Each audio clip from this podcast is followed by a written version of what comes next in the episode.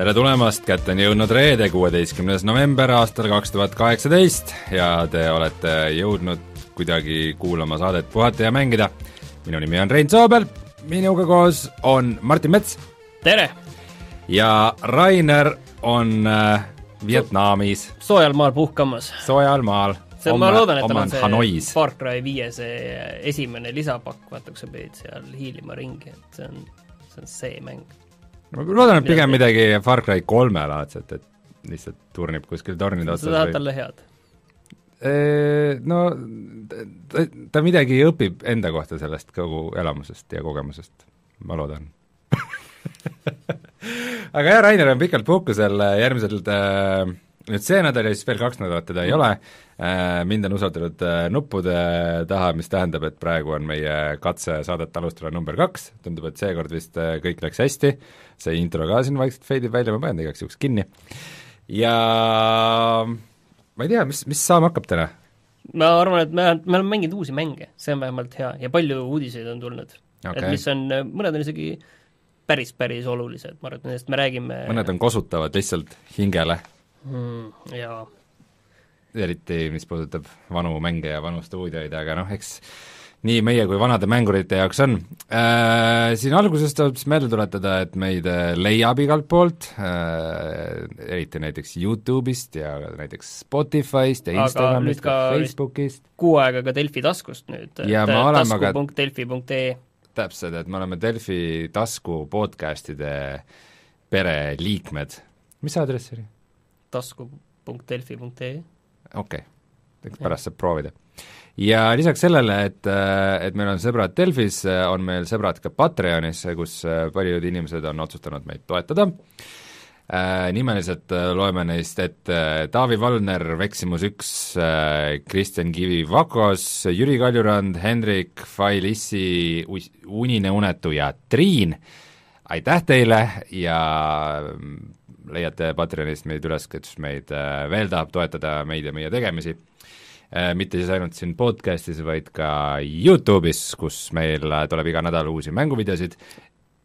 mis meil eelmine kord läks, eelmine kord läks siis äh, Return of the Obra Dinn. see on vist mäng, mis sulle meeldib? see meeldib mulle väga ja ma ei olegi leidnud praegu sellist hetke, et seda uuesti teha, see nõuab väga palju aega ja süvenemist, ma arvan, et see nädalavahetus ma võtan selle ette ja teen selle läbi. see on, see on väga hea mäng, see on väga hea mäng, ma ütlen, et vaadake kindlasti seda videot.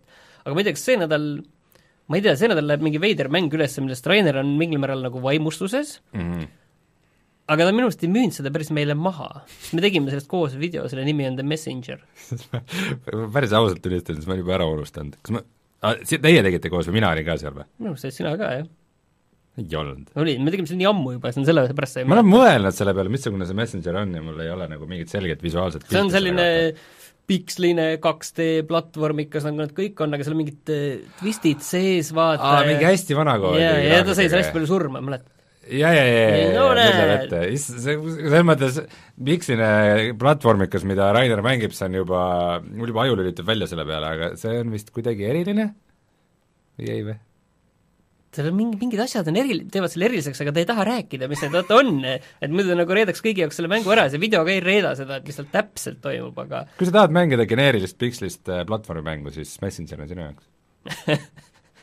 Aga mm, täna ma siis mis täna saama hakkab, jah? täna hakkab saama, mina olen mänginud seda Spyro triloogiat, selle remaster'it, mis nüüd just välja tuli et ma olen seal seda esimest mängu mänginud. sina oled mänginud teist uut mängu, mis on siis Don't Starve'i lis-, noh, vana mäng, aga Don't Starve'i lisapaki Hamlet mm. -hmm. selle kohta ma tahan väga teada, mis seal toimub okay.. ja siis me räägime edasi Red Dead Redemption kahest. ja uudistes äh, oli äh, Microsoftil suur pidupäev, kus oli. nad näitasid kõike, mida nad on teinud, mida nad on ostnud, mis nende mängudes juhtuma hakkab. nii Red, palju Red... uusi mänge? Gamepass, Gamepassi tuleb väga palju mänge. Ja siis on see hea uudis selle Sony äh, poe kohta ka, et kus sa saad nüüd palju lihtsamini enda raha sinna viia. Okay.. ja siis me räägime natuke Fallout seitsmekümne kuuest, mis häda sellega on, me ei ole seda ise mänginud ja mul on huvi, aga ma ei, ma, ma ütleme, ma ei kiirusta. ja kusjuures vaata, me rääkisime sellest, et Command and Conquer'i remaster on nagu vist tulemas, see kuidagi nagu kuulutati välja, alguses lihtsalt, et oi, me siin nagu kaalume seda ja nüüd on asi nagu täiesti ametlik järsku juba mm.. et äh, sellest me saame kindlasti rääkida ja pupk tuleb PlayStation neljale ka. nüüd juba kindlalt, täpselt kuupäevaga. no tundub, et meil on, millest rääkida, nii et ma ei tea. aga sina käisid mängutööl ka? jaa, ma käisin mänguteel, ma räägin sellest ka, rääkisin seal VR-ist, üks väike VR-i uudis tuleb ka. Äh, ja nüüd on aeg, et ma vajutan nuppu, äh, mis, mille juurde on kirjutatud uudised.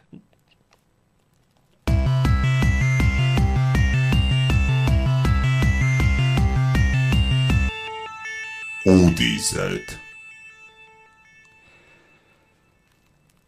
enne kui me räägime uudistest, siis äh, räägime korra sellest, äh, Raineriga eelmine saade tegi tohutu üleskutse, et äh, teha ülevaade nendest saadetest. me tegime on... pool naljaga niisuguse üleskutse, mis me arvasime, mitte keegi ei tee seda, aga kolm inimest tegid. ärge rohkem neid tabeleid meile saatke, et ärge rohkem seda tehke, et me siin inimesed said selle eest auhinnad, kes olid seda teinud ja, ja väga huvitav statistika tuli sealt välja, et kes on näiteks kõige rohkem saates olnud, kes on kõige rohkem puudunud, kes on kõige rohkem üle Skype'i olnud, tead, mis sealt välja tuli välja või no.? et eh, viimati, kes oli üle Skype'i, olid muide sina. Päriselt või? jaa, ja, ja, ja mina olin üle saja saate tagasi viimati Skype'is millal mina üle Skype'i olin, ma, ma olen sa, kaks olid, korda üldse kokku. haige, aga sa tahtsid midagi väga rääkida vist või mida, midagi sellist oli. issand, see võis päris ammu olla. aga selles mõttes oli, on ikkagi väga hea, et see, selle Skype'i teema sai ära lõpetatud, et see kindlasti sellepärast ma olen siin kohal olnud ka kogu aeg, eh, viimased kaks aastat umbes vähemalt, et mul on hea meel, et sa leidsid linnas tööd. töötasin ka varem linnas. Aga siin on näha, et väga huvitavad asjad, tead, kes meil tegelikult kõige rohkem külas on käinud või? ma, olin väga üllatunud, ma olin väga üllatunud. sellest, chat, chat saab äh, viis sekundit pakkumiseks, aga seni, kuni te mõtlete, kes on kõige rohkem külas käinud, siis äh, Äh, peab ütlema, ilma, see ei ole küll kelle, erinev üllatus kellegi jaoks, aga kõige rohkem muidu saates on olnud äh, Rainer, äh, kes on siis saates olnud kolmsada kakskümmend kaheksa korda. Puudunud üheksa korda. puudunud üheksa korda, täna on kümnes! kümnes, jaa! täna on kümnes! palju õnne, Rainer! puudumisjuubeli puhul ja mina olen saates olnud kakssada üheksakümmend neli korda ja Martin ainult kakssada kaheksakümmend šlang. nii, aga ütleme nüüd ära, kes külalistest on kõige rohkem olnud, et mulle ausalt öeldes tuli üllatusena, et äh, nii palju on olnud Jan Pillav, kes on olnud äh, viisteist korda. ja järgnevalt Sten Koolman ja Sulev Ladva võrdselt kaheteist korraga. ja kes, kes just mingi paar nädalat tagasi olid mõlemad koos, kuidas Jan nii palju on olnud, Jan ammu pole näinud teda siin saates ju. jaa, jah, väga, väga huvitav, väga huvitav. aga tänud väga põhjalike tabelite eest, et äh, see oli küll äge, et, äge, et nii palju vaeva nähti. selle statistikaga me saame teha mingeid huvitavaid graafikuid. see masinõpe, tehisintellekt tehisintellekt hakkab ennustama, kes järgmine kord saates on. jaa, selle põhjal saab kindlaks teha. Aga kuigi see on kõik väga äge, siis, siis kaua me ikka endast jahume, nii et räägime siis uudistest. Ja ma saan aru, et sinu jaoks ikka kõige suurem uudis on see, mis mina, mis, millega mina siis just paar nädalat tagasi nagu pahuksis olin, et äh, PlayStationi poes saab nüüd maksta Eesti krediitkaardiga jaa, et see kõlab nagu selline veider äh, selline kuidas see on võimalik, et enne ei saanud? Vau, sa saad internetis krediitkaardiga maksta, et see Digi-, digitaalses poes saab maksta Eesti krediitkaardiga. jaa, aga, aga tegelikult see on, äh, see on väga suur asi. ja selle kohta vihje tuli meil eelmine see saate chatist just, ja, ja inimesed on pärast öelnud, et ei, see on juba natuke aega olnud ja tegelikult, tegelikult see juba töötab tükk aega ja SEB kaardiga. aga mis, millest ma olen nüüd aru saanud, on see, et et tegemist on siis Sony digitaalse poega, kus sa ostad mänge ja üks asi on nagu mängude ostmine, on ju. teine asi on see, et tänapäeval suhteliselt möödapääsmatu on sul ka PlayStation plussi ostmine, et sa saaksid mitmikmängu mängida mm. -hmm. põhimõtteliselt mis see nagu tähendab, on see, et sa pead kas internetist, noh õnneks on see suhteliselt lihtsaks läinud, et siin on mitu poodi, kes äh, saadavad sulle kood, ostad ja saadavad sulle koodi meili peale ja saad kohe selle koodi sisse toksida. aga mm -hmm. ikkagi, sa pead mingi koodi kuskilt eraldi ostma ja sisse toksima. isegi kui sa ei taha nagu mänge digitaalselt osta, vaid sa tahad neid ikkagi poest osta, sa pead ikkagi selle koodi endale kuskilt muretsema, sa pead eraldi vaeva nägema, eraldi liigutama selle jaoks, et seda teha. ja nüüd tuli välja, et see krediitkaart töötab. aga, siin on paar aga, et see töötab siis, kui sul on Soome, võib-olla ka mõne teise Skandinaavia riigi konto no enamikel eestlastel, noh väga paljudel minu meelest on nagu Soome konto, kuna mm. seal on, kuna need on ka regioonid eraldi ja sul peab olema see, et eurod oleks ja kõik, et sa pead õige regiooni koodi ostma, kui sul on juba sellised asjad, et sa pead õige regiooni koodi ostma, et saada mängida neid õigeid asju, see on veider, on ju, see ei ole kahekümne esimene sajand mm. -hmm. ja nüüd on siis niiviisi, et sa saad, kui sul on Soome konto, siis eh, nii, vähemalt meil testitud nii kui Swedi kui Seebi äh, kaardid töötavad. see lihtsalt nagu normaalne inimene ostad krediitkaardiga endale digitaalseid asju. vägev. aga mis ei tööta, on siis, et äh, näiteks äh, Raineril oligi, temal on äh, mingitel segastel põhjustel Suurbritannia konto PlayStationil ja tema sealt ei saa endale osta, tal isegi mm. PayPal ei tööta. see PayPal mm -hmm. vist varem töötas niiviisi, et kui sul on Soome PayPali konto, siis sul töötab see Soome kontoga, on ju, juba segane jaur, on ju. oota, Eestis ei saa PayPali kontot registreerida või? Saab ja enamikel inimestel ongi Eestis, aga lihtsalt, et sa pead tegema Soome konto selle jaoks, et kasutada seda digitaalselt, et seal ei pro-, võib olla ka mingeid okay. probleeme, on ju. et see on suur asi ja see on tegelikult viimane mängupood, millega see asi ära lahenes, sest tegelikult varem oli ka äh, Äh, Nintendo'l ja siis, äh, ja siis sellel Microsoftil olid ka koodikaardid, aga seal on ka juba tükk aega, saab krediitkaardiga maksta mm, -hmm. et seal ei ole nagu probleemi. mõtlengi, et Switchi peale ma olen küll ostnud krediitkaardiga vaatan PayPaliga see, mänge. see, nagu see probleem. ei ole mingi probleem. ilgelt no, tüütu oli kogu see protsess, aga põhimõtteliselt sai. iseenesest nendel koodikaartidel on omad plussid. see ongi mm -hmm. see, et näiteks, et ma tahan endale lapsele osta nüüd äh, ma ei tea, selle PlayStation plussi või mingi asja ja siis ma ei pea seal mingi parental control'is midagi jamama, vaid see, et ja ma ei pea seda krediitkaarti sinna sisse panema, et jumal teab, mis sealt ostetakse kõik, on ju mm, -hmm. vaid et näed, ma ostan selle koodikaardiga talle selle PlayStation plussi või siis ma ostan talle selle kahekümne eurose koodikaardi, on ju, et ma olen nagu kindlalt kontrolli all, on ju, et mis palju sinna raha kulub, on ju. Mhm. see on nagu see üks eelis, mis nendel kaartidel on ja ilmselt ka nagu praegu nagu jääb mm. -hmm. aga see, et kui sa tahad, sina tahad minna nüüd endale osta mingit mängu, siis sa saad seda teha ja see on tegelikult suur asi. see on suur asi, see teeb ikka elu väga palju lihtsamaks. mul on hea meel, et äh, konsoolirahvas saab ka tulla siis tänapäeva kus, kus see ja vot kõrgem rass on juba üle sättis ka välja, et ne, eriti just need, kes päris alguses tegid selle konto, need te-, ne-, nemad tegid nagu konto mujale kui Soomesse. aga mm. mina vist tegin selle konto kuskil PS3 oli väljas olnud paar aastat või kaks aastat või midagi siis, mina, mina tegin selle, mina sain PlayStation kolme endale siis. ja, ja siis ma, ja siis millegipärast ma tegin selle konto Soome juba, on ju, mm. et äh, ühesõnaga, see on suur asi iseenesest, et see töötab ja ma olen väga rahul. äkki kunagi hakkab PayPal ka töötama, siis on veel eriti hea aga räägime siis äh, teisest suurest konsoolitootjast, ehk siis Microsoftist, kellel oli äh, sellel nädalavahetusel suur-suur üritus, äh, kus vaata... nad rääkisid, kuidas tulevikus on kõik veel parem ja ägedam ja igasugused toed tulevad igast mängudele suur ja... üritus on nagu selles mõttes nagu suhteline, et see oli ikkagi selline, selline mängude striim ja iseenesest vaat siin on nagu hästi lihtne norida, on ju, et sa võid küsida, et mis mängud nüüd välja kuulutati, on ju mm. -hmm. ja okei ma ei, ma ei saa vastata, on ju, sellele. et ega seal vist nagu välja suurt midagi ei kuulutatud, uusi asju, mida kõik on ju tahavad, et uusi mänge, aga seal äh, see läheb sellesse teemasse, millest me mõned saated tagasi rääkisime, et kõik juba valmistuvad järgmiseks konsooligeneratsiooniks mm -hmm. ja Microsoft ostis jälle kaks mängustuudiot ära. ehk siis Obsidiani, mille üle olid ka kõlakad tükk aega, aga üllatuseks on kindlasti Inxile Entertainmenti ost-, mis tegi siis selle Wasteland kahe ja nüüd teeb Wasteland kolme.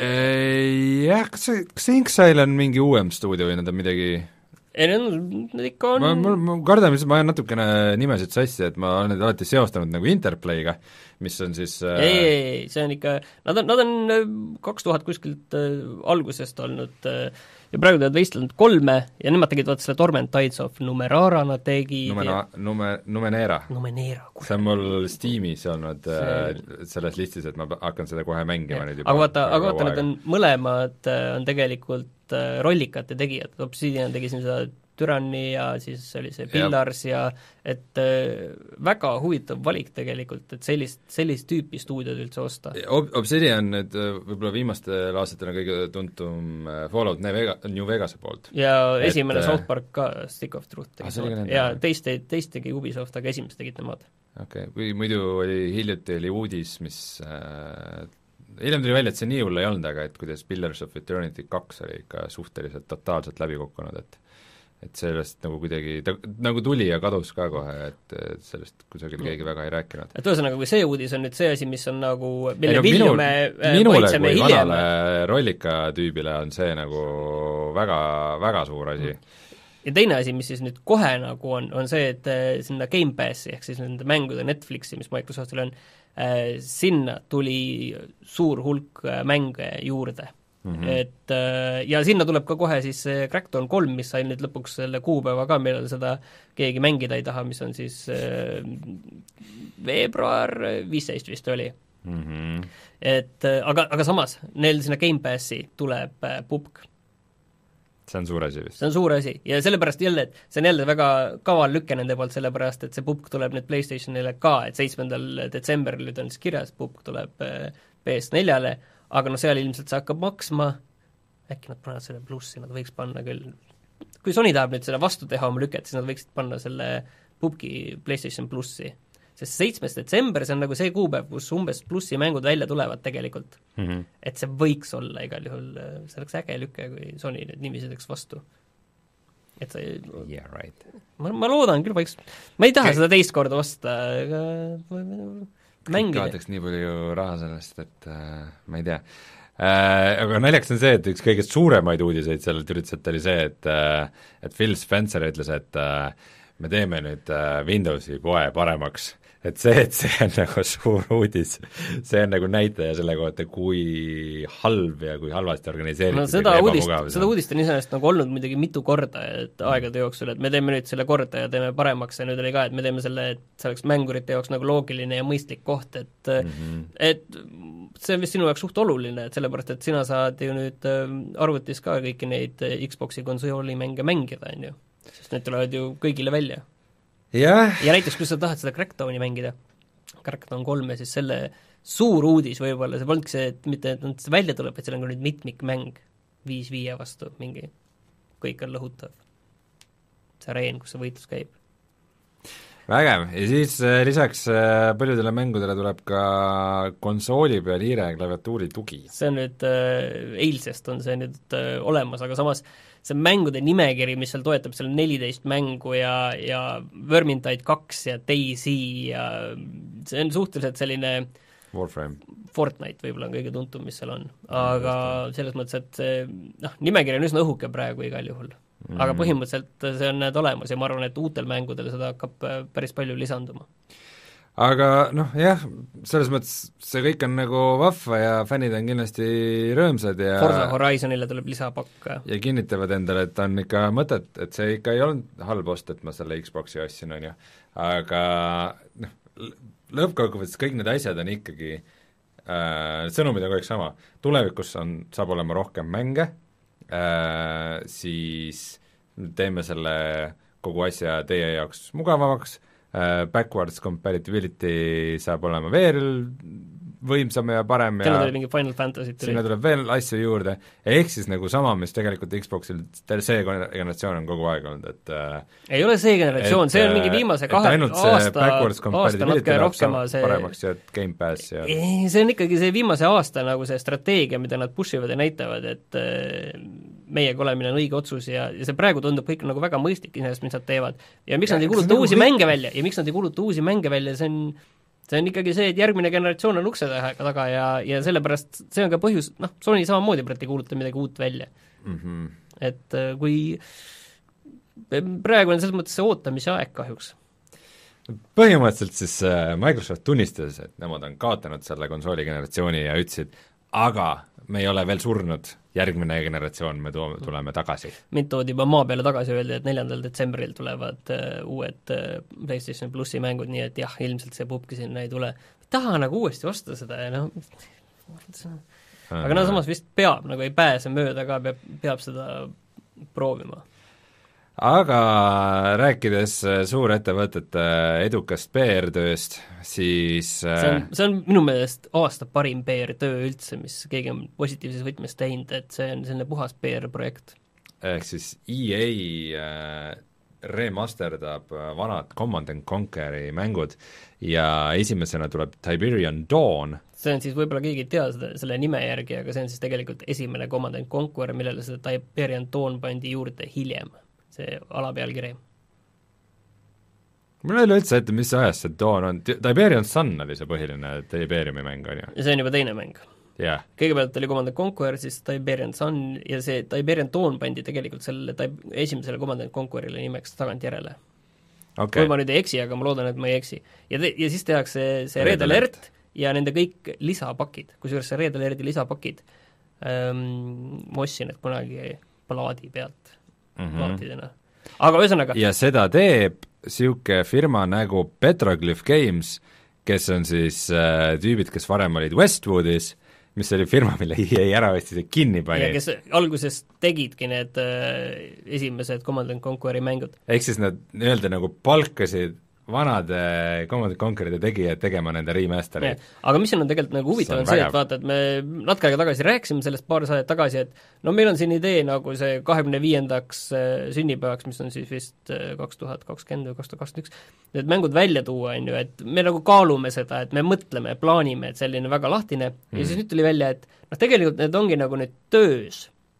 et me teeme remaster eid, mitte remake, et me teeme nagu nagu originaalile väga sellised väga truud mängud ja siis läks nagu jutt veits nagu lappama, et eh, noh, me noh, tegelikult me ei ole veel üldse alustanudki siin millegi tegemisega, aga pigem, et fännid võiksid nüüd pakkuda, et mis me võiksime teha, et kas me peaksime tegema ikkagi täpselt nagu remaster'i, mis on üks-ühele see, mis siis oli ja teeme lihtsalt mm. nat-, noh, uue graafika ja uued eh, tänapäevased eraldusvõimed, või siis me teeme nii, et me teeme neid asju, mis me omal ajal teha ei saanud, tehni-, tehni-, mis polnud tehniliselt võimalik omal ajal, kas me teeme neid või lisame sinna need ka sellised lahendused? Mm, -hmm. et mida te nüüd tahate, fännid, on ju, et et pärast seda Diablo äh, seda fopaad on see selline ma arvan, et äh, fännidele väga meeldib see, et oo, te tahate kuulda meie käest, et mida teha, et ma arvan, et selles mõttes see on väga hea ja kindlasti ma ilmselt hea meelega mängiksin, sest sellist tüüpi reaalaja strateegiaid tänapäeval ei tehta kuskil.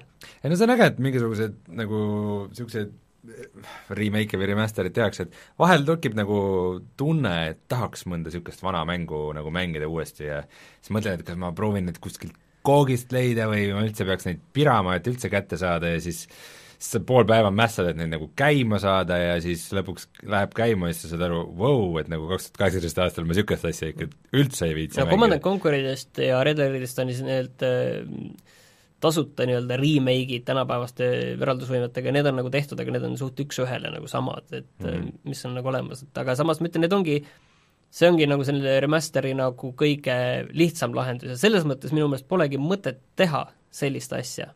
Et kui juba teha, siis paneme, teeme nagu natukene tänapäevasesse võtmesse -hmm. ilma et me teeks seal mängitavuses mingeid äh, mingeid järeleandmisi, et me nüüd teeme siin selle, ma ei tea, mis lineaarseks ja lihtsaks ja mi-, ja oh, seda nad ütlesid, et mikromaksed ei tule, on ju, et et meil on kõik sama nagu eelmine kord, aga mikromaksed tulevad. et see oleks hea pakkumine, aga lihtsalt, et et äh, tegelikult, kuna tegelikult need remaster'id on olemas, siis nad võiksid äh, ikkagi panna sinna midagi juurde, teha selle balansseerimise uuesti, ma, minu poolest kas või uusi üksusi või aga lihtsalt jätaksid selle maailma ja idee ja, ja põhimängitavuse kõik samaks mm. ja lisaksid sinna lihtsalt eh, nipet-näpet võimalusi, mida nad ei saanud teha eelmine kord, kas või siis kaardi peal mingid asjad, mis sa saad kaardi peal ise kaarti kuidagi füüsiliselt muuta, kõik need asjad, mis tegelikult reaalaja strateegia mängudesse tulid hiljem, et seal vist no seal oli suur asi see, kui sa said silla ära lõhkuda ja, ja sillale mm. said mehaaniku saata ja silla ära parandada, sellised asjad, aga et noh, et kõike seda saab ju veel tänapäeval kaugemale viia, pluss rääkimata sellest, et kuidas see, kuidas see kaart üldse välja nägi, et kuidas see, kas see võiks olla nagu täiesti 3D, et sa saad igatpidi seda pöörata, kas see, kuidas need kõrguste erinevused on, kõik, kõik see, et kuidas mingid üksused saavad kuskilt mingit maastikku läbida, et sinna nagu iseenesest neid asju annab ju panna, ilma et sa lõhuksid ära seda, selle Command and Conquer'i tuuma mm. -hmm et mulle nagu selles mõttes tundub Kurat, see nagu palju ägedam. nii, nii, niisugune miiniväli on see, see on ilgelt tore rääkida, et jaa, et tehke nii, et kõik jääb samaks, aga tehke ja nagu, siis tulevad need puristid, kes ütlevad, et oot-oot-oot-oot-oot vot see, vot see on täpselt see, et las kõik jääb samaks, las kõik on täpselt sama, aga tehke teistmoodi mm,. Ei, ma saan aru, et mingid, mingid pange niisugusesse uude võtmesse, aga nii, et kõik oleks ikka täpselt sama jah, ma põhim-, ma põhimõtteliselt tahan seda, jah. see on niisugune nagu tasakaalustamine seal eri asjade vahel, sellega ja, aga kui nad, kui nad on südamega asja juures, kui nad tõid originaali tüübid, kes kakskümmend aastat seda tagasi tegid, ja nüüd on teil võimalus, et palun tehke, EA kuldab teid üle mm, -hmm. annab võimaluse, samas muidugi EA ütleb muidugi võib-olla seal vaikselt salaja seal ukse taga nii, et kuulge, et tehke nüüd niiviisi, et äh, võimalikult vähe ja võimalikult odava raha eest, aga nii, et põhimõtteliselt võiks selle välja lasta. jah, selles mõttes, et Petroglyph on ka vahepeal ikkagi mingeid mänge välja lastud, ainus, mis ma olen vist mänginud nendest, on see Grey Goo,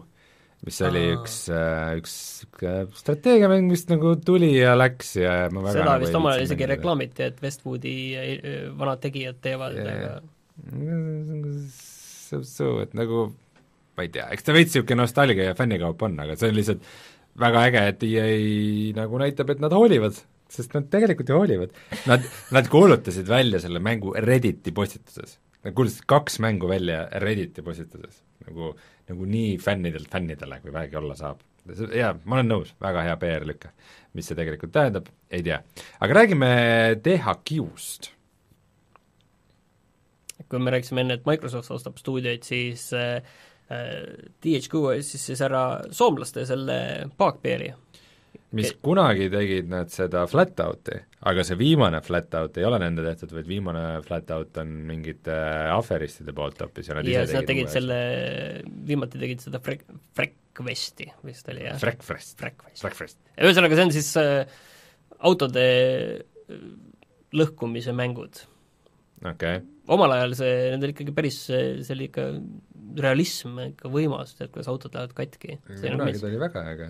jaa, ja siis teise stuudio nad ostsid ära selle, mis on natuke vähem tuntud, on see Code Simulatori äh, arendaja, Coffee. Stain mm. -hmm. et äh, no saab näha, mis ka, ka pädev stuudio vist, kinda kes oskab, üks, üks päev ma vaatasin, palju on Code Simulatorile tehtud neid lisapakke, mis kõik võim-, hullused seal olemas on. Ahah. Neid asju on palju. see oli mingi MMO simulaator. seal läks veel palju-palju edasi, mingi Star Warsi asjad ja aga kas THQ ei läinud pankrotti millalgi või? äh, Nad läksid ja nende asjad müüdi laiali.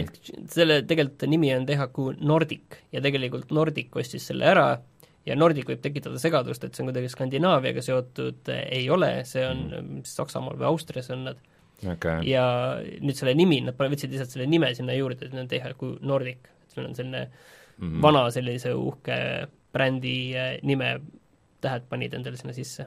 ja mängud, mis on, põhimõtteliselt need on nüüd äh, mingi, ma ei tea, aasta jooksul või mingi perioodi jooksul on kasvatanud oma müügitulu tuhat nelisada kolm protsenti. No see numbrina kõlab äh, väga uhkelt, aga siin peab lihtsalt vaatama seda, mis see müügitulu nüüd eelmine aasta oli. ei võimalik, et jah, see on lihtsalt see võrdlus, aga aga no arvestades näiteks Square Enixit ütlesid neile väga halvasti, siis selles mõttes on äge ja aga samas nagu mingeid väga suuri edulugusid seal ei ole, et Titan Quest ja Red Faction, Guerilla Remastered ja This is the Police kaks, kõik mingid suht väiksed asjad ikka tegelikult. aga see, kusjuures see Code Simulatori arendaja on Rootsist okay.. et seda ma tegelikult ei teadnudki, et see on rootslaste oma. aga nad ütlesid, et neil on praegu töös viiskümmend viis mängu. viiskümmend viis mänguprojekti nagu, mis on täiesti insane number, et no ikka tüübid möllavad, mul on hea meel. ma ei tea. aga kas me saame mängida ka Narkost, tuntud Netflixi sarja? see tuli mulle tegelikult üllatusena, tegelikult see oli välja kuulutatud mingi pool aastat tagasi juba okei okay., ma ei teadnudki, kus see välja tuli ja siis ma mõtlesin, et esimese hooga, et see on mingi loll mobiilimäng ilmselt mm. -hmm. et äh, mis sealt ikka muud oodata. aga see on strateegiamäng hoopis? käigupõhine strateegia Siis- narkose maailmas, mis vist toimub pärast seriaali. see isegi oota, see seriaal käib ju veel? ma ei ole kindel. ma vaatasin nii kaua, kuni Pablo Escobar ära tapeti, aga ma saan aru, et see pärast läks veel edasi, see Medellin eh,, mis see teine kartell oli? Medellin oli linna nimi äh,, mis iganes. mina ei ole vaadanud, ma pean tunnistama, mul on see olnud siin äh, plaanis, aga ma ei ole vaadanud. esimesed kaks hooaega oli teada, aga lihtsalt see tundus veider, et see edasi läheb. ei, see on äh, läbi saanud, kolm hooaega tehti ja kõik. aga no kolmas oli siis juba ilma, ilma temata. ühesõnaga, kas sa oled põnevil äh, hakkad ei, mulle tundus se- selles mõttes, et sellised äh, käigupõhised äh, sellised äh, sellised strateegiamängud, selline X-komi laadne lihtsalt mingi narkokartelli teema võiks ju päris äge olla, kui see on hästi tehtud ju. või võiks või? Ma ei tea, ma, ma arvan, muidugi võiks, aga ma ei hoia hinge kinni. aga siis tuleb kui, kui sõna Netflix sees on, siis juba noh, ma ei tea. see tuleb siis arvutile, tuleb äh, järgmise aasta lõpus, aga vähemalt see nagu minul nagu tuli see mäng nagu tekkis nüüd nagu radaril, et enne see on ma ei tea, kui ma oleks niisama kuulnud selle kohta, et sellist asja tehakse, siis ma oleks mõelnud, et see on mingi täiesti suvaline asi, mille võib kohe unustada, mis on seriaali põhjal tehtud, nagu vist on selle Overkilli Walking Deadiga, et see jah, ma natuke vaatasin seda, ei tekita ikka mingeid tundeid. See on peaaegu sama, sama halb nagu see Walking Deadi kuue aasta hüpe, et kuue aasta hüpe. jah, rohkem ma ei räägi sellest. sa võid hoopis võrrelda selle teise Walking Deadi mänguga, mis sa mängisid. sa mõtled seda survival instinct'i või? oli see, mis oli see kohutavalt halb? jah, jah, ei sellega ma ei taha, ma ei taha seda ei mäletada ega võrrelda, aga aga kuule, kui see juba jutuks tuli, Walking Dead ja siit edasi tuleb meelde Telltale, mis värk sellega siis praegu on, kas Telltale'i mänge võetakse Steamist maha või? tundub nii, jah et äh, mingid asjad olid sealt äh, ära kadunud. kas nagu mingid suured asjad või mingid vanad asjad või ähm,? Seal oli vist see Tales of the Monkey Island, et Deltali kohta tuli nüüd uudis, et see ikka paistab, et ikka konkreetselt on kinniminek, see ei olnud muidugi üllatus, aga noh, küsimus ongi, et mis saab nendest mängudest, mis seal on, on ju, et kas sa saad neid tulevikus osta, iseenesest mõistlik oleks, et kui sa saad ju osta, on ju, et noh mm., küll keegi tahab seda raha, on ju, vastu võtta, aga ma ei tea.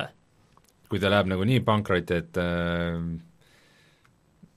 et nad ei suuda enam, ma ei tea, mingeid õigusi hoida või siis läheb, raha läheb pankrotihaldurile aga ühesõnaga jah, et see muret tekitab pigem see, ma ei tea, kuidas USA-s käib. et igal see Walking Deadi kolmas hooaeg on ju, võeti juba maha Steamist. Okay.. aga aga et kui nagu need vanad mängud, mis mille hulgas on väga häid mänge ju, ära kaovad, siis, siis on ju asi kehv. ühesõnaga, sina Deltali mängude fännina pead äh, nüüd äh, siia Steam'i kontole omale kõik ära ostma äh,, alla laadima ja siis selle läpaka põhimõtteliselt panema arhiivi ja sa ei saa seda millegi muu jaoks enam kasutada, saan ma õigesti aru? jah, põhimõtteliselt küll, et äh, ma ei, ma proovin praegu vaadata, mis seal alles on, aga sa oled erroreid ainult? See tähendab, midagi ei ole alles, nad juba kustutavad, juba kustutavad süsteemist Kustut. Nad lasevad äh, Deltali mängudele update'i välja ja update on see, mis lihtsalt kustutab mängu ära ja ei tee midagi. Mis on vastand sellele, mis Fallout seitsmekümne kuuega toimub. sellega oli ju see, vahepeal käis see kuulujutt läbi, et see Konami kustutab neid BT demosid ära. Okay.. et sellele oli tulnud äh, uuendus. Nüüd järsku, millal see välja tuli, kaks aastat tagasi või? Midagi rohkem, mis pidi olema selle Silent Hillsi äh, selle demo, paljud ütlevad, et see on siiani parim õudusmäng, mis üldse on tehtud mm, -hmm. ja see siis olid Redditis olid äh, inimesed kurjad, et näed, tuli see uuendus ja see, ma ei saa seda mängu enam mängida. Ja no selles mõttes, et see uuendus tuli järsku, üks punkt null üks uuendus.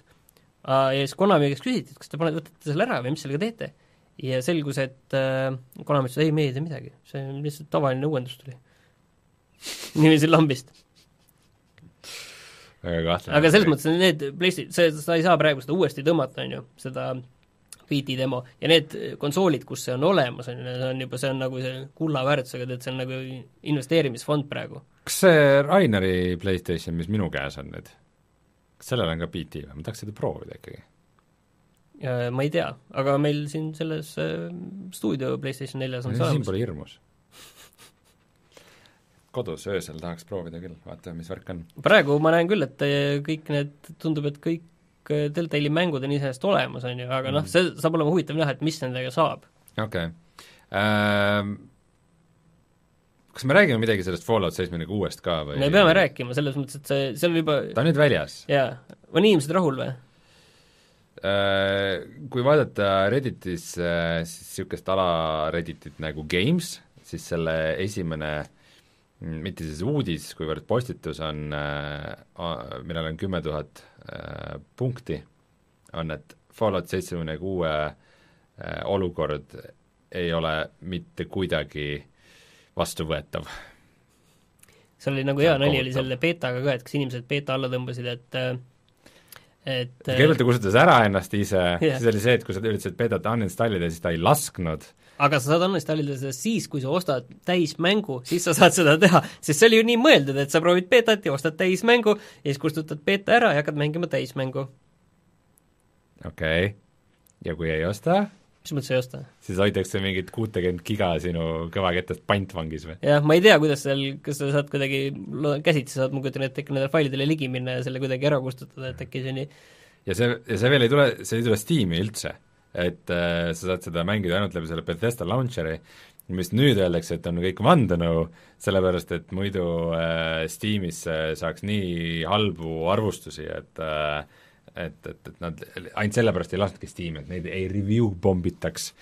kuigi, kui inimestele mäng ei meeldi, nad sellele negatiivseid hindeid annavad, kas see on review pombimine või see on nagu aus oma arvamuse avaldamine praegu igatahes äh, Metacriticus äh, pommitakse seda küll kõvasti, selle hinne on nüüd tõusnud kuhugi kolme peale, aga enne aa, siis ikka tõuseb, siis ei ole, ei ole ligi. nagu väga hull, et mm -hmm. okei okay.. aga jah, tehniliselt äh, pidi ta ikka olema väga halb ja ma saan aru, et see nagu hoiab sind ka tagasi, et, et miks sa seda ei äh, ei mängi. aga arvustusi vist praegu ei ole veel väljas üldse selle jaoks, et ta põhimõtteliselt eile tuli ja siis ükski arvust, arvustuskoht vist ei taha nii kiiresti oma arvamusega välja tulla äh,, kohe kontrollin seda järgi, aga selles mõttes on sellest ilgelt kahju, sest et väga paljud ütlevad, et tegelikult mäng ise on nagu, mäng ise on nagu päris lõbus või nagu oleks lõbus, jah, arvustus ei ole. aga ta on lihtsalt äh, tehniliselt niivõrd halb ja niivõrd äh, niivõrd katki ja niivõrd ebapädev ja see nagu mootor ei toimi selle jaoks ja ja inimestel on nagu nii palju öelda selle kohta, see on, natukene on, on juhtunud see asi, et seda on veidikene liiga popp vihata, et äh, iga aga selles mõttes popp on vihata, aga kui see on halb kui see on halb, siis see on ju tõsi ükskõik kas see on popp või mitte. jah, vot see on lihtsalt see, et nagu iga Youtuber teeb nagu mingi räuskamisvideo, kuidas ta leidis mingi katkise tekstuuri kuskilt või nagu mida iganes, et see see on veits muutunud nagu liiga niisuguseks lihtsaks sihtmärgiks või aga tundub, et ikka paras korralik möödalask nagu Betesta poolt või kui ei ole möödalask, siis äh, siis ma ei tea, on mingid kohe tulnud mingisugused vandenõuteooriad, kuidas nad lihtsalt tahavad, et äh, äh, seda nagu datat koguda mängijate kohta, et mis feature'id panna oma mootorisse ja mis mitte ja nagu lasevad mängijatel selle quality assurance'i tegemise endal kinni maksta ja teenivad sealt vahelt ka, aga ma arvan, et Bethesda-sugune ettevõte elu sees ei tahaks rikkuda oma tuleva, tulevaste mängude müügiedu nagu sellega. ma Deltali kohta nüüd vaatasin, leidsin üles, et tõesti äh, Tales of the Monkey Islandit ja Back to the Future'it äh, enam Steamis ei ole. aga ülejäänud mängud paistavad olema olemas, nii et äh, ja Brett meile anti tagasisidet ka selle BT demo kohta, et see oli vist jah olnud ikkagi võlts uudis selle okei, kohta, et lange-, selles mõttes langesime lõksu, aga langesime see, aga lihtsalt võrku. see tuletab meile meelde, et äh, selline fantastiline mäng on olemas, nagu BD ja mm. Konami, vaat see uudis vaat on sellepärast väga tõene, et Konami on kas täpselt selline, et jah, et me lähme võtame teilt konsoolidest need mängud veel ära ka, et te peate selle tahate BD demo mängida, siis te peate selle konsooli kuskile netist välja võtma ja kuskile hoidma seda kuskil äh, ma ei tea, kuskil eraldatud ruumis ja, ja lihtsalt vaikselt seal mängima oma BD demo ja kõik okei okay,, no jah, see Konami tundub ka, et nad on niisuguseks, neil on mingi eriti kurja tegelase kuulsus praegu või mingisugused pahad jaapanlased, kes ei saa millestki aru ja lihtsalt teevad asju väga samas Jaapani korporatiivses süsteemis on täiesti võimalik, et seal eesotsas ongi mingid tüübid, kes ei jaga nagu mitte mõhkugi sellest asjast. seda me saime just äh, teada, et äh, täna tuli uudis ka selle kohta, et äh, Küber, küberminister Jaapani küberturvalisuse minister jah, et ta on väga hea töö delegeerimises, mitte ise asjadega tegelemises või millegagi kursis olemises. et ta ei olnud arvutit kunagi kasutanudki. ma ei tea, kas see kunagi kasutanud ei saanud aru mis asi on USB Pulk. pulk jah, et see kontseptsioon ajas talle segadusse. kuule, aga räägi nüüd ära, mis selle värk selle Valve'iga on, kas nüüd tuleb siis Half-Life kolm või? no kas see on see asi, mida kõik on kartnud, et Half-Life kolm tuleb, aga see on siis äh, äh, mingi Valve'i VR-i eksklusiiv, kas see on nüüd tõsi või? Äh, kahtlustan, et siiski mitte, aga põhimõtteliselt mis see oleks, see oleks halb see, VR et, veits, veits halb oleks see. äh, nüüd hiljuti lekkisid internetti pildid, mis tunduvad suht ed- ehedad, kuidas äh, kellelgi on laua peal terve hunnik äh, niisuguseid veel töös olevaid äh, lahtise kiibistikuga VR peaseadmeid, nagu sa ikka laua peal hoiad neid nagu sa ikka jah, laua peal neid testid omal tööl, ja mis tunduvad olevat, see on, kiibistiku peal on Valve'i logo nagu, et äh, põhimõtteliselt, et et noh, Valve, mis on siis tiimi omanik, on üldiselt nagu ikkagi tarkvaratootja, aga nad on natukene katsetanud oma riistvara, et et noh, neil oli see Steam Controller ja Steam Link ja ja siis HTC Vive'i äh, selle tehnoloogia väljatöötamises nad osalesid nagu aktiivselt, aga Vive on ikkagi nagu HTC toode, et seal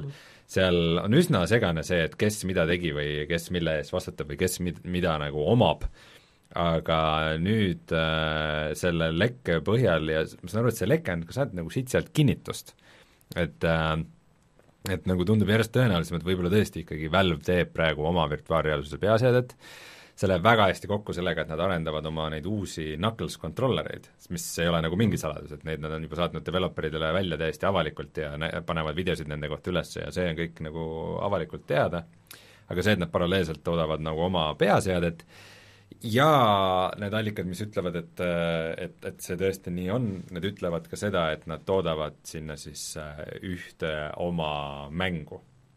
Half-Life kolm.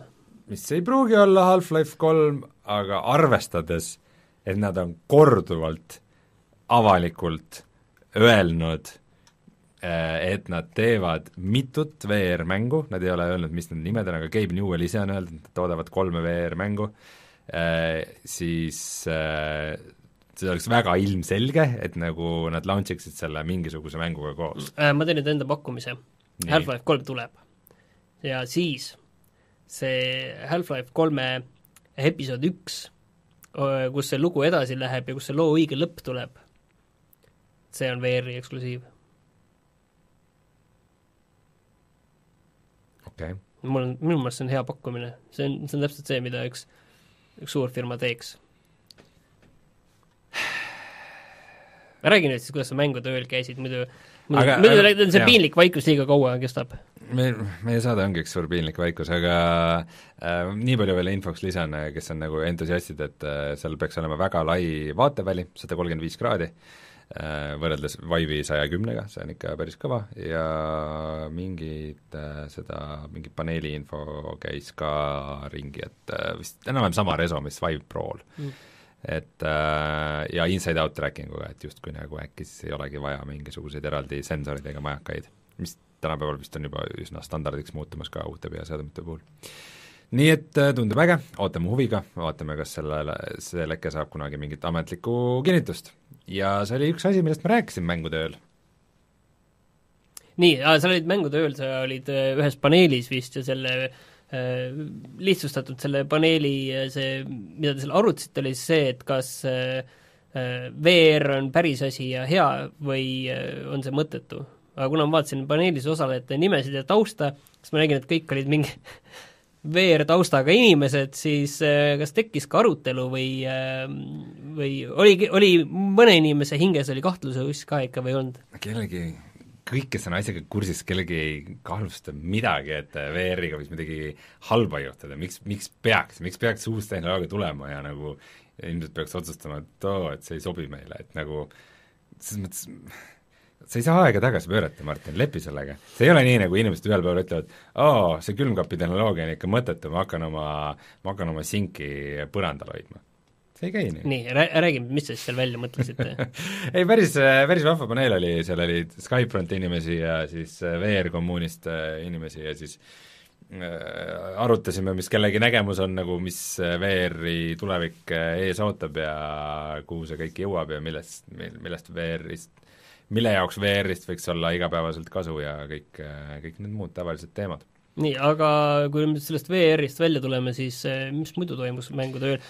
tavaliselt on ikka vaata neid indi-, indie-mänge olnud Eesti omasid, et eh, jäi Jah. midagi seekord ka silma. kusjuures vahetult enne meid just oli laval siis Edvin, Shorty Strip äh, jah, mis Edvini, mis Edvini perenimi on, mul Aedma. Edvin Aedma, jah, kes näitas siis jah, oma mängu Shortest Trip to Earth, mis, millest me oleme kahetsusväärselt vähe rääkinud, sest et äh, okei okay,, olgem ausad, ta on veel early access'is, ta ei ole veel ametlikult väljas, aga ta on siis FTL-i-laadne niisugune kosmosemäng, mis äh, vist läheb oma süsteemidelt veel sügavamaks, ma pean tunnistama, mul on see mäng olemas ja ma olen selle isegi korra käima pannud, aga siis tulid mingid Red Dead Redemptionid ja asjad tulid peale, nii et äh, jäi natuke tahaplaanile, aga me peame ikka tulevikus seda Mhm, viga jaa, parandama ja seda, seda natuke kajastama.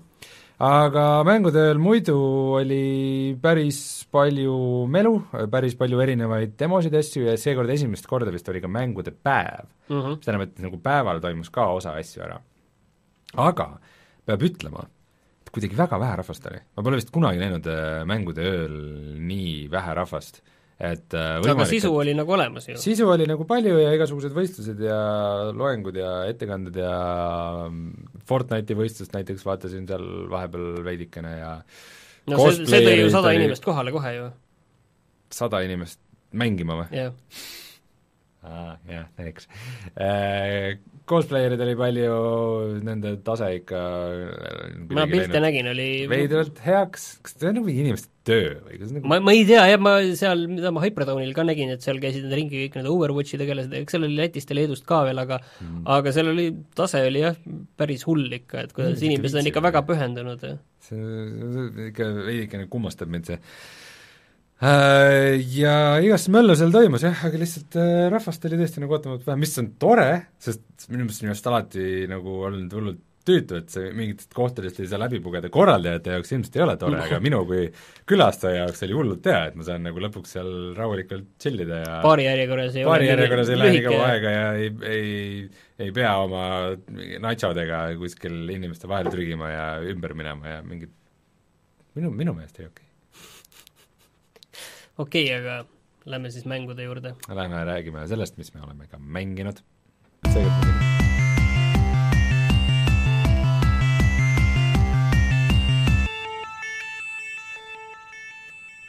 nii, aga Rainer, Rainer pööritas silmi kusagil praegu ma räägin siis esimesena kõige uuemast asjast. räägi sellest Spyros. just nüüd tuli välja, mis on siis Spyro uh, Reignited Trilogy, ehk siis uh, Spyro esimeste mängude esimesed kolm mängu anti nüüd uuesti välja ühe pakina ja mis asjad need Spyro esimesed mängud on?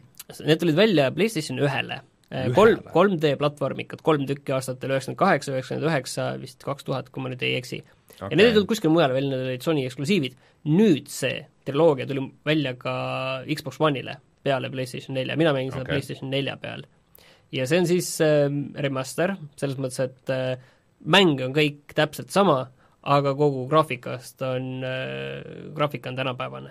ja see mängitavus, kõik, kõik tasemed, kõik kohad on täpselt samad, erinevalt siis äh, mis siin, ma ei tea, Ratchet and Clankist oli see remake, et mitte selline, aga, aga samas ta on ikkagi nagu põhjalikult tehtud remake, et ta ei ole ka nagu see Crash Bandicoot, mis oli natukene värvi juurde pandud. et see on ikkagi seal oluliselt äh, parem me jälle oleme sellesamal ohtlikul territooriumil, et mida peab tegema remaster'i juures ja mida ma arvan, et siin on selles mõttes on tehtud nagu õigeid asju, küsimus on lihtsalt selles, et kui hea see Spyro nagu muidu mänguna on. ta on mm. väga ilus, värviline, sa oled väike draakonikene mm. ja sa jooksed ringi, hüppad ringi, kogud mingeid kalliskive, võitled vastastega ja sul mingi kiil, kiil on kaasas. tuld purskad seal mingite äh, süütute, süütute inimeste vastu. ma natuke vaatasin enne, kuidas sa mängid, ma pean tunnistama küll, et mind veidikene häiris see Spyro, et äh, et põhimõtteliselt äh, see oli nagu mingis Mehhiko külakeses, kus äh, naised nagu kulbiga keetsid suppi ja siis draakonipoiss hiilis nendele selja tagant ligi ja purskas tuld ja äh, siis need süütud inimesed äh, kõrvetaks, kõrvetas ma tõin neile kodu, ma tõin neile kodusoojust. söetükkideks ja kui selle küla mehed siis üritasid täita oma äh, auväärset kohust ja kaitsta neid äh, teisi külaelanikke, siis on, ka nemad äh, hävitasid äh, põrguleekidega. jah, aga tegelikult see on nagu selles mõttes hea mäng, et ta on, ta on vaata igale vanusele tegelikult. et see, panid kõlama selle, nagu see oleks mingi GTA viis või Red Dead Redemption kaks, aga ei ole, et see on igale vanusele platvormikas äh, ja minu meelest ta näeb nagu päris hea välja, tegelikult aga vahe on muidugi see, et Pro peal ta jookseb nagu korralikult, tavalise PlayStation nelja peal ta natukene nagu on veits kehvem, see kaadrisageduse probleemid, seal ikka on veits probleeme. aga mänguna minu meelest, see ongi kõige suurem probleem, et kui hea tegelikult ta on mänguna ja miks nagu äh, Spyro ei ole sellise taseme selline teema, nagu kunagi oligi see Crash Bandicoot või siis PlayStation kahe ajal siis äh, Ratchet and Clank või et miks see nagu sinna ei jõudnud, või siis Sly Cooper, mis mulle meeldib, mulle nii Sly Cooper kui äh, äh, siis Ratchet and Clank meeldivad palju rohkem. Mm., sest lihtsalt Ratchet and Clank on väga äge 3D platvormikas, kus tulistamisega, see on väga ägedad relvad, ja Sly Cooper on 3D platvormikas, kus on ka hiilimist ja, ja väga lõbusad lood, on ju Mm -hmm. aga seal on, see võib-olla on kõige nõrgem koht selle juures, see nagu see mäng ise, et see on remaster, kõik see on tehtud väga hästi, väga tänuväärne, et see on olemas ja ja väga ilus näeb välja ja, ja, ja Pro peal jookseb väga ilusti mm. -hmm. ja kindlasti äh, meil juba siin tööl ka juba, et äh, kellel siin väiksed lapsed käivad meil külas, siis need juba, juba mängivad seda Spyrot ja see on nagu väga teema mm. -hmm. ma olen draakon, ma põletan inimesi see ei ole päris niiviisi, see, ei ole verd ega, ega midagi, aga, aga lihtsalt see on kõige häirivam, Et- et, sa põletad inimesele mingit verd ja karjumist midagi ei ole, see on kõik sihuke rõõmus ja tore ja see on täpselt, see on täpselt see, mis tulevikus nagu sõduritele pannakse pähe, et nad näevad, et niimoodi nad nagu teevad mingit genotsiidi. aga selle Spyro juures nagu ma tegin esimesed kaks maailma läbi ja ma ei, ma ei lähe nagu selle teemaga kaasa, ma proovin nagu rääkida nagu tõsiselt, ma ei lähe selle teemaga kaasa.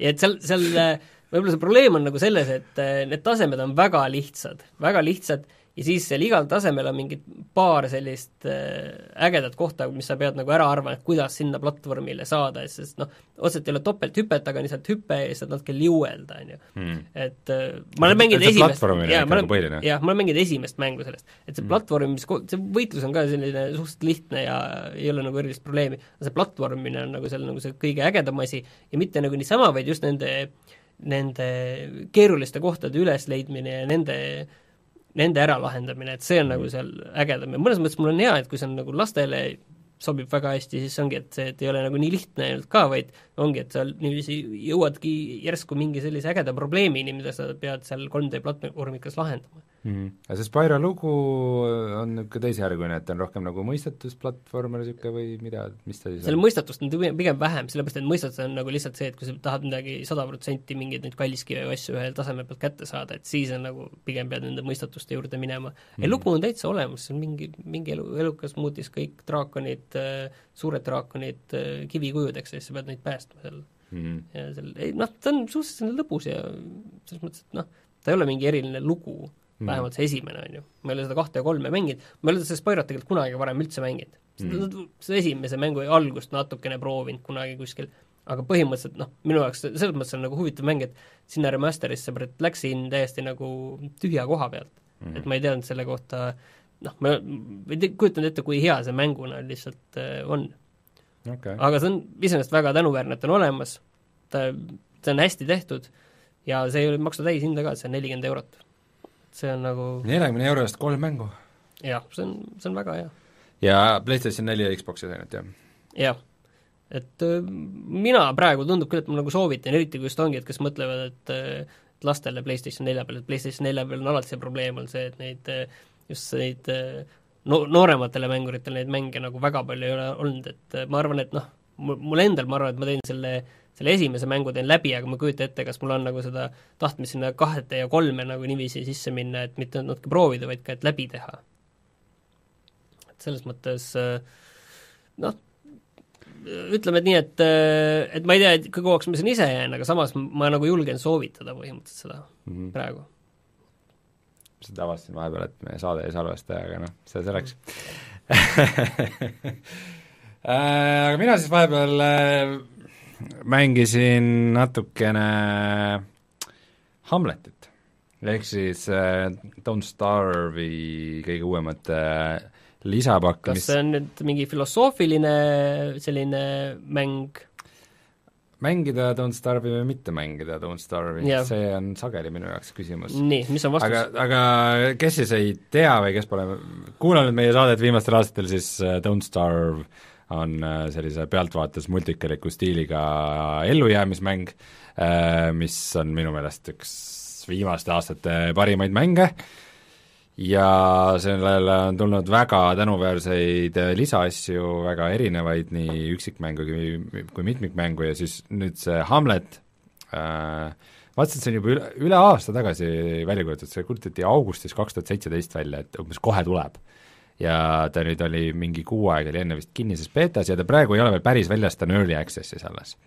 et äh, palju võib veel muutuda, aga põhimõtteliselt see idee on umbes selline, et seekord sa oled äh, sellises maailmas, kus on palju niisuguseid Indiana Jonesilikke äh, džungleid ja varemeid seal sees ja varemed, seal neid koobastikke saad sa uurida ja avastada, ja siis on seal äh, sigade linnad, mis on siis nagu noh, sead on varem ka seal mängus olnud nagu nende majakestega, peekon, peekon jah, aga aga nad on alati jätnud niisuguse veidike kultuurse mulje, need sead, aga siis tuleb välja, et neil on teinekord peaks tunnistama, et kultuursemad kui sa ise. sageli. see, arvestades seda, et kus sina elad seal Don't Starve'i maailmas, millised onni sina oled nendega kokku löönud ja kus sa endale toitu otsid maast, siis need sead elavad äh, väikestes majakestes, ma ei tea, kus nad nüüd elavad, aga see olid väiksed puidust majad, kus on elekter? tuli, jah, aa, see lambi hääl on see klakk-klakk ja jah, siis kui läksid lähemale, siis kustutasid tule ära, et ühesõnaga, et sead olid palju sellised, sellised viisakamad elukad mm. -hmm. tegelikult. aga räägi, mis seal linnades toimub? seal linnades on äh, valvurid kes äh, igasugused põllud ja asjad, et kui sa sealt midagi üritad võtta või näpata, et siis need valvurid kohe tulevad sulle kallale. Need valvurid üldse naljakad, et nagu esimene äh, esimene kord, kui ma mängisin, siis ma ei suutnud nagu piisavalt materjale kätte saada ühe päeva jooksul, et äh, omale lõket teha. ja noh, Don't Starve'is üldiselt on see nagu surmaotsus, kui sul öösel lõket ei ole, aga siis ma läksin nende laternate alla sinna linna ja seal oli öösel valge ja rahulik ja sai olla ja mõtlesin, mis ma ikka seal niisama passin, et tegin omale lõkke ja siis äh, saan seal toitu küpsetada ja öösel kõhu täis süüa, nagu see selles mängus ikka käib. ja siis üks valvur tuli niimoodi, jooksis minu lõkke juurde, kustutas ära ja siis läks jälle minema, okei okay. aga seal ma-, seal on väga palju poode, nagu erinevaid äh, nagu kaupmehi, kellega sa saad äh, sa saad põhimõtteliselt kõike vajalikku osta, nagu süüa, igasuguseid tööriistu, igast mingeid materjale ja ja seal on põhiraha on mingid, mingid oincoin'id, oincoin'id see kõlab nagu mingi kahtlane krüptoraha. jah, aga seekord on see kahtlane searaha. Ja eh, nii, nagu ma sellest loogikast aru saanud, siis põhiline viis, kuidas sa saad neid koguda, ongi see, et sa käid nendes äh, templites ja varemetes ja sealt äh, sealt toksid välja nagu neid mingeid artefakte ja asju ja siis viid linna. ehk siis sa kaevandad seda raha. jah, sa kaevandad seda raha, eks ma mõtlesin, aga kas sigade käest ei saa, et see on nagu kaks ühes, et võtad kuskil mõne sea maha endal kirvega ja saad ei ole- ja krüptoraha. ma ei ole väga julgenud nendega tülli minna, et ma ei tea et see, kui ühega lähed tülli, siis kogu see linnaga läheb asi käest ära või? nojah, mingi, noh, ma millalgi midagi näppasin ja siis nad ikka vist mingi aeg on nagu kurjad. et nad sulle päris kohe ei andesta, et võib-olla nagu hiljem. aga noh, see idee iseenesest mulle meeldib, et nagu, et on džunglid ja ja sealinnad ja aga kuidagi ma ei ole sellesse nii ära armunud, kui kui no mulle näiteks Shipwreck, Shipwrecked väga meeldis, see oli mul paar aastat tagasi, oli aastamäng mm, -hmm. et noh, Ship, Shipwrecked oli nagu konkreetne, et nagu sa oled nagu peale laevahukku kuskile kaldale uhutud ja siis äh, käid äh, laevaga eri väikestel saarekestel ringi ja sul on palmipuud ja piraadid ja ahvid ja nagu kõik on nagu, kõik on nagu selge, on ju. aga seal Hamletis seal on kuidagi nagu natukene liiga palju erinevaid asju, erinevaid stiile kuidagi siin on, nagu üritavad hästi palju sisse toppida. ja siis see kuidagi, kuidagi kogu see stiil on veidi niisugune nagu laialivalguv ja mitte nii mõnusasti fookuses, et et siis, siis mul nagu jah, kuidagi veidikene raske on sellele siiamaani sisse elada. vähemalt see on väga odav, see maksab ainult äh, viis ja pool eurot. jah, see on, see on äge, et ta on odav ja seal on kindlasti nagu väga palju mingeid vingeid asju, mida avastada. sigadel on äh, kiistmajad ka, ma vaatan. jah, neid juba ümber ei puhu jaa, aga sealt saab ju äh, materjale no haamriga. Need, nendel valvuritel, seal on päris palju valvureid ja neil on mingid piigid ja metallist raudrüüd ja ma ei tea, ma ei riskiks. ja kusagil seal peaks olema mingi loss, mida me ei ole üle, üles leidnud veel, et kus, kus äh, kus on üks printsess, kes pärast on nagu mängitav tegelane. et äh, sul on üks Notsu printsess, keda, keda sa saad mängida. kelle, ja tema vastu on kõik sead nagu eriti sõbralikud ja annavad talle asju ja värki. okei okay., igal juhul, ei see kõlab igal juhul väga huvitavalt, mul on väga hea meel, et seda seda mängu siiani edasi arendatakse niiviisi ja nii noh, põhjaliku sisuga, et mitte natukene ainult teeme, vaid mm -hmm. ja see mäng tundub siiamaani väga elus olevat ja, ja kuigi mul on hea meel, et nad teevad nagu üksikmängijale mõeldud asju ka, siis, siis oleks muidugi veel vahvam, kui saaks seda kunagi sõbraga koos ka mängida, nii et ma ei tea. ei tea, kus sa selle sõbra leiad. vahva. aga kas me siis äh, Red Dead kahte enam ei mängi või? mina mängin küll. mängid, jah? jaa, ma olen seal kuskil kolmandas chapter'is, aga juba päris palju seal teinud, aga oota, kolmas chapter on see, kui nad lähevad sinna vee äärde? jaa, seal on ja. kaks, kaks sellist äh, Romeo ja Julia teema ja kaks sellist äh, Ah, konkureerivat jaa, äh, Okei. äh, maja. ma Ja vaata eelmine kord ma ei olnud seal, seal on see, seal on see koduse ja see taust on seal ja et äh, ühed äh, seal kasutasid orje omal ajal kõvasti, kui enne kodusõda. ja teised? teised vist ei kasutanud nii palju. ma ei ole nende kohta nii täpselt aru saanud, kes nad on. aga samas Sheriff on äh, nende perest. aga põhimõtteliselt mul on selle Red Dead Redemption kahega nüüd ikka veits nagu probleem tekkinud küll, mm. -hmm. ma tahtsin küsida su käest hea küsimuse, et äh, kas sa mõtled nagu neid põhi, põhimissioone, mis on kõige ägedam mängumehaanika, mida sa oled kuskil põhimissioonis näinud? Lasso? ilmselt jah, võib-olla küll, Lasso on päris hea vastus tegelikult, ma arvan isegi. aga mul on nagu probleem ikka sellega, et äh, need missioonid, põhimissioonid on ikka väga-väga sarnased kõik. mm.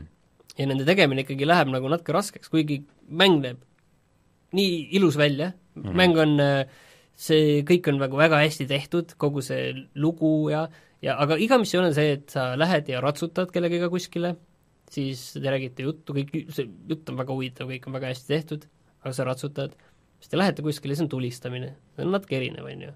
Mõnikord kasutad snaiprit, mõnikord on tulistamine öösel Mm -hmm. mõnikord äh, sa lähed, tood kuskilt mingi vankritee mingeid asju ära, iga kord, kui sa kuskilt mingi vankritee asju ära tood, siis tagasiteel on üks või kaks tulistamist Mm -hmm. keegi ajab sind taga, kuskilt jälle tekivad mingid tüübid, ja siis sa viid selle vankri ära või siis sa tuled kellegagi koos sealt tagasi või siis sa jääd sinna kohale ja ja mõnikord sa hiilid kuskil natukene, aga reaalselt sa, sa teed nagu väga vähe asju seal. See, mis sa tegelikult teed. ja mis on tegelikult nagu halb, on see, et tegelikult seal on nagu need mängumehaanikad on kõik ju olemas, seal on see igasuguse, kogu su see side selle hobusega, hobuse, ma ei tea, puhastamine mm. -hmm. hobuse statsid kõik, mida sa arendad, relva puhastamine Mm -hmm. kõik, kõik need asjad nagu ei ole osa sellest, nendest missioonidest, mis teed, mis on see põhilugu või mida sa pead läbima ja mis, mis peaks olema see suur asi, mida sa seal teed ja see teeb natukene kurvaks, sa näed nagu neid äh, kasutamata jäänud võimalusi ja mul on just mõelnud, et et äh, avatud maailma mänguna näiteks nagu mul on tunne, et Far Cry, ma ei tea, viis või neli või kolm, et need on nagu paremad mängud.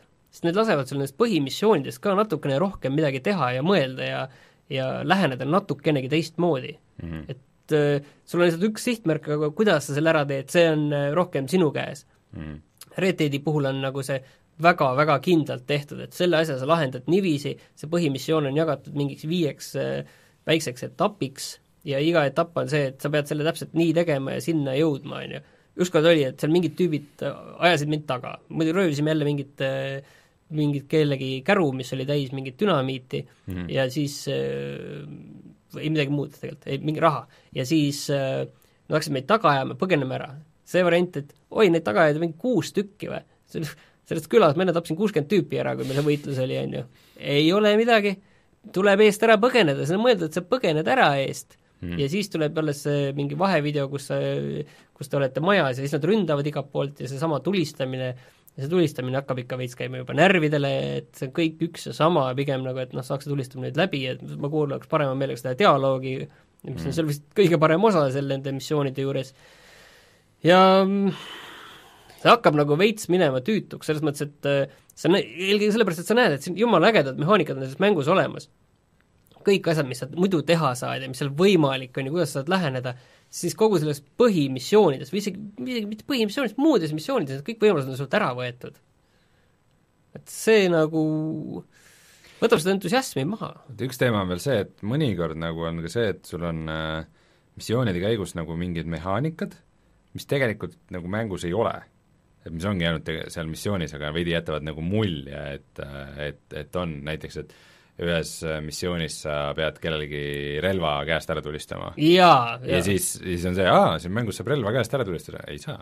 ei saa, see oli ainult see ühe missiooni see nagu koht, et et kuna väga paljud need äh, Rockstari mängude missioonid ongi nagu noh, veidi tutorial'ina üles ehitatud alati, et nagu, et järjest õpetavad mm. sulle tundma neid mehaanikaid, siis see, kui mõni mehaanika neist tegelikult mängus ei ole, siis see kohe tundub nagu veidikene petmine, on ju.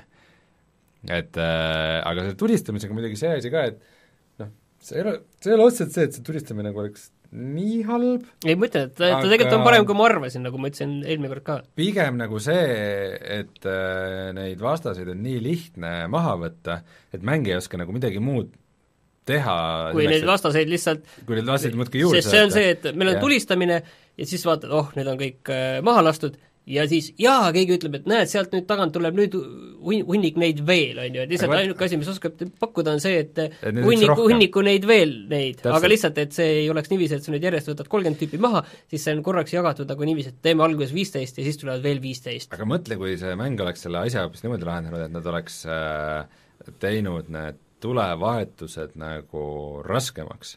Et sul need äh, vastased äh, no mitte, mitte selles mõttes raskemaks, et need vastased nagu kuidagi nurga tagant suvaliselt su ära tapavad nagu mingi juhusliku kuuliga, vaid just, et kuidagi teha neid nagu pikemaks, et need vastased nagu üritavad rohkem nagu varjuda ja rohkem oma elu päästa ja annavad sealt kuidagi ettevaatlikumalt tuld ja sa pead mingeid asju viskama rohkem ja neid välja meelitama sealt või või kuidagi paremat no kõlab äh, jumala hästi, kõlab jumala hästi, vastaseid oleks poole vähem või natuke rohkemgi vähem minu meelest, minu meelest see võiks päästa selle, selles mõttes, et äh, selles mõttes, et arvestades, kui palju detaili nagu muidu kui maailmas muidu, on, vaata, kui palju muidu nagu raskust kõigel, mis sa teed, mis me vist kohe alguses rääkisime, et kõik tundubki nii raske, et see sahtli avamine ja sahtli otsimine, läbiotsimine võtab aega ja sa tunnedki seda, et ta nüüd nagu teeb seda ja see on tulistamine, tulistamine võtab mängust tõks, tõks, nagu. tulistad ma- tüübid maha ja ongi olen kõik. nõus, et see on täiesti teisest mängust ja see võtab sind sellest universumist täiesti välja nagu.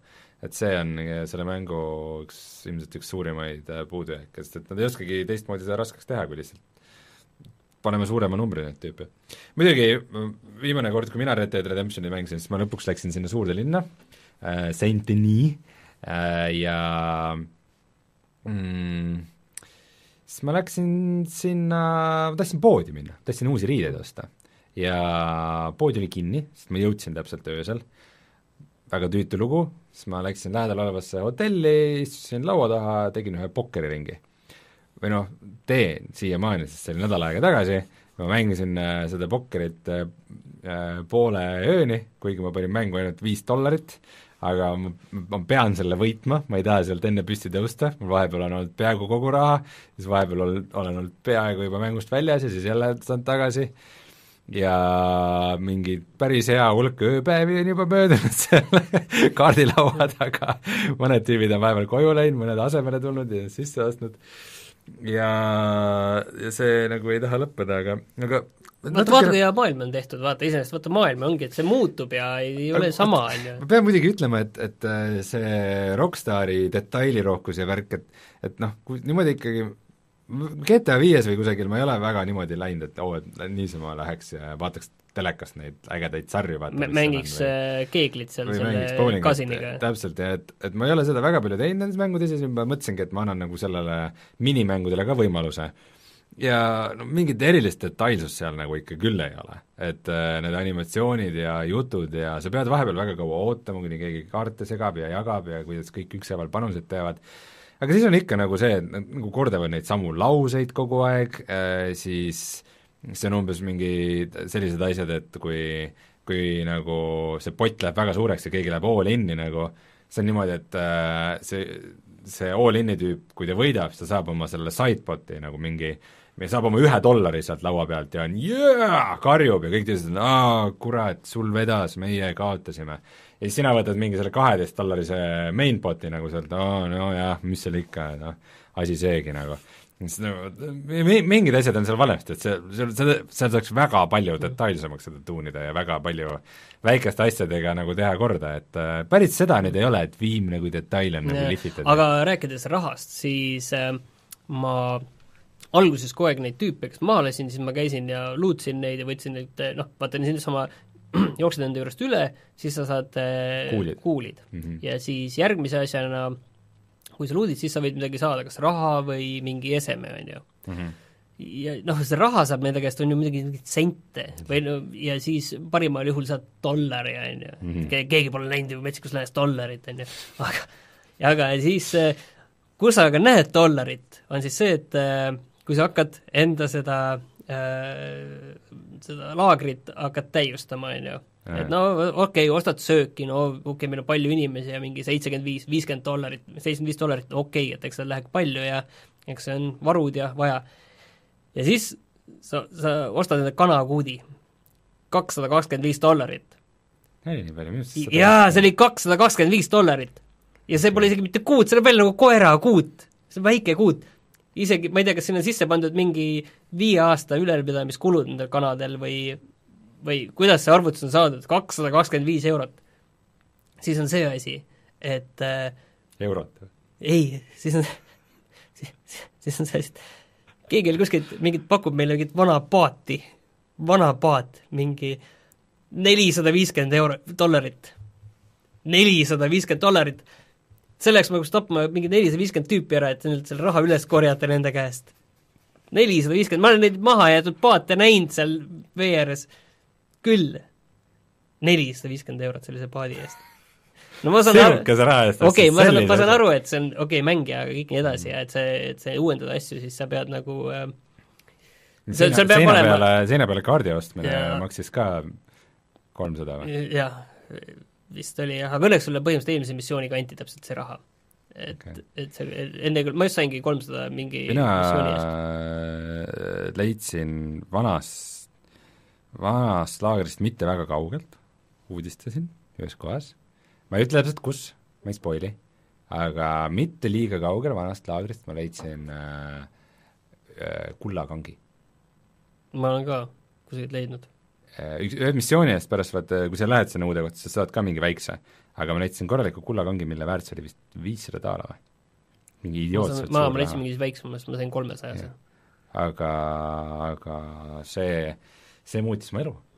selles mõttes see, see on kohe juba täiesti teistmoodi kui GTA viis, kus kunagi vaata raha ei olnud ja kus ikkagi oli tunda seda, et äh, mäng tahab, et sa neid shark card'e ostad, kui sa tahad, et sul mm. mängus sees raha oleks. meile öeldakse äh, muidu, et mingi hobusehoidla kolmsada dollarit, need, ma ei ostnud, ma, ma ei ostnud seda seal on mingi, tõenäoliselt mingi ülalpidamiskulud ka, et mingi inimesed hooldavad neid Muidugi. ja, ja see mingi, mingi on sisse arvestatud need asjad, et see on mingi teenust, mis tuleb kuskilt sisse osta, ma arvan neile, et see aga okei okay,, no see nagu selleks, on ju, mis mind kõige rohkem närvi ajab, on see, et mingi missioon oli ja okei okay,, ma jätan oma hobuse siia, sa nüüd ole siin, ma arvan, et teen selle missiooni ära, ma seal hiilin. teen selle missiooni ära, on ju, tulen tagasi, hobune on läinud. hobune on kuskil kaardi teises otsas. kus ta sinna sai? ma ei tea. äkki ta läks rongi peale? ma sain korra vahepeal surma, võib-olla see kuidagi oli sellega seotud, aga ei, et see hobune spooniti kuskile teise kohta. ja siis ma ei tahtnud sellest hobusest ilma jääda ja siis ma pidin jooksma selle hobuse juurde viis minti jooksin seal kuskil, et seda hobust kätte saada. see ei olnud minu viga, mina jätsin selle hobuse õigesse kohta, kõik oli okei okay. alati ma kuskil mingi selle vankriga kuskil lähen, on ju, siis ma ka alati vilistan hobusele, et tule kaasa, on ju. see on kõik jumala äge tegelikult mehaanika, et ongi, et see, et kui sul hobune niisama jääb, jääb sinna passima, et sa vilistad hobusele ja siis ta tuleb sinuga kaasa, on ju, see on kõik väga ägedasti tehtud. sellised asjad on, et sellistele detailidele tähelepanu pöörata, on ju. miks siis kogu see asi seal põhimissioonides ei ole sellist äh, vabadust, et ma ütlengi, et miks ma, miks ma pean ütlema, et Far Cry viis on mõnes mõttes palju parem mäng? Far Cry viis ei ole mitte mingis mõttes parem mäng. no aga, aga no ongi. oh, vot, et mul on nagu äh,, ma teen seda, ma, ma teen kindlasti läbi, see on kindlasti mäng, vaata, mille me teeme läbi, on ju. meie hääletoonis on tunda kerget väsimust Red Dead Redemption kahe suhtes, aga aga see ei tähenda kindlasti, et tegu oleks halva mängu. ta näeb visuaalselt vahepeal ikka üliäge välja, et siin ei ole nagu midagi öelda, on ju, et kuidas sinu jaoks? PlayStation neljaga oli mingi pläga ja hägu, tea. okei.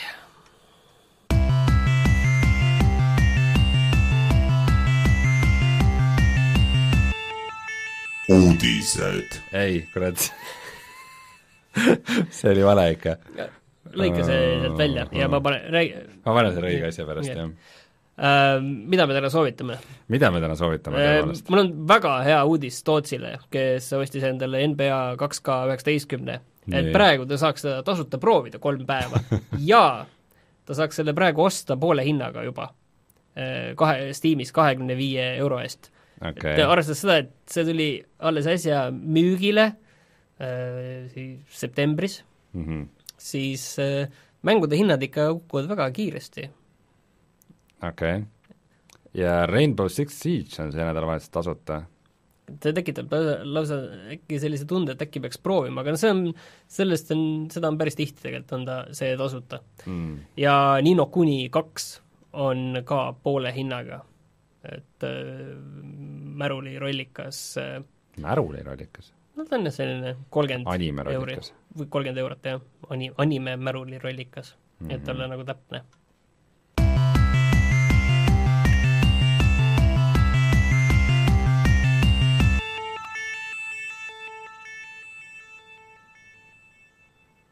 Nii nii, kas kutsume saate saateks? kutsume vist saate saateks, see on juba kõvasti valesti nuppe vajutatud, meile on võib-olla öeldakse, et Surviving. Mars on ka Steamis praegu tasuta, et äh, no, see tasuta lausa või? tasuta pr- mängitav, mitte Mm. nagu täitsa tasuta. et selles okay. ja, mõttes ja Destiny kahte saab ka ikka veel äh, vist sealt äh, Battle.netist, kui sisse logid, siis saad tasuta endale päriseks ja Humble Bundle'is on äh, Rockstari ja Square'i asjad sooduses. mm. -hmm. aga selline siis sai seekordne saade. jah yeah., Äh, vaatame, äkki me leiame ka siia järgmise kahe nädala jooksul äh, mõne külalise. kas sul on liiga piinlik minuga kahekesi või? no natuke on küll, selles mõttes, et jah, äh, siis ikka. meil ei teki neid piinlikke vaikusi, kuni ma ootan, et ka millist nuppu sa pead vajutama ja sa otsid seda seal endal selle Stream Decki pealt üles, see on osa siis protsessist. kindlasti. aga ma arvan, et et me leiame äkki kellegi siia vahepeale. võib-olla tõesti. Mina tahan, et me leiame, mina ei ole nõus siin Reinuga nii kaua kahekesi olema. Rainer, tule tagasi aga jah, kas me pidime siia lõppu veel midagi tähtsat ütlema või? vist mitte? ei pidanud. jah, nii et äh, ma ei tea, aitäh kuulamast ja teinekord võite ka kuulata ja Youtube'is oleme laivis ja podcastina igal pool saadaval ja ma ei tea, Ja- kohtume järgmine kord. ja nüüd paneme üles siis The Messengeri video. aa ah, jaa, see läheb ka nüüd kohe laivi, kas sa paned ise laivi või? oskad või? jaa. Okei okay., ära sinna uude Creator Studiosse mine, see on kohutav. aga meie poolt kõik ja aitäh kuulamast ja ärge unustage puhata ja mängida. Tšau.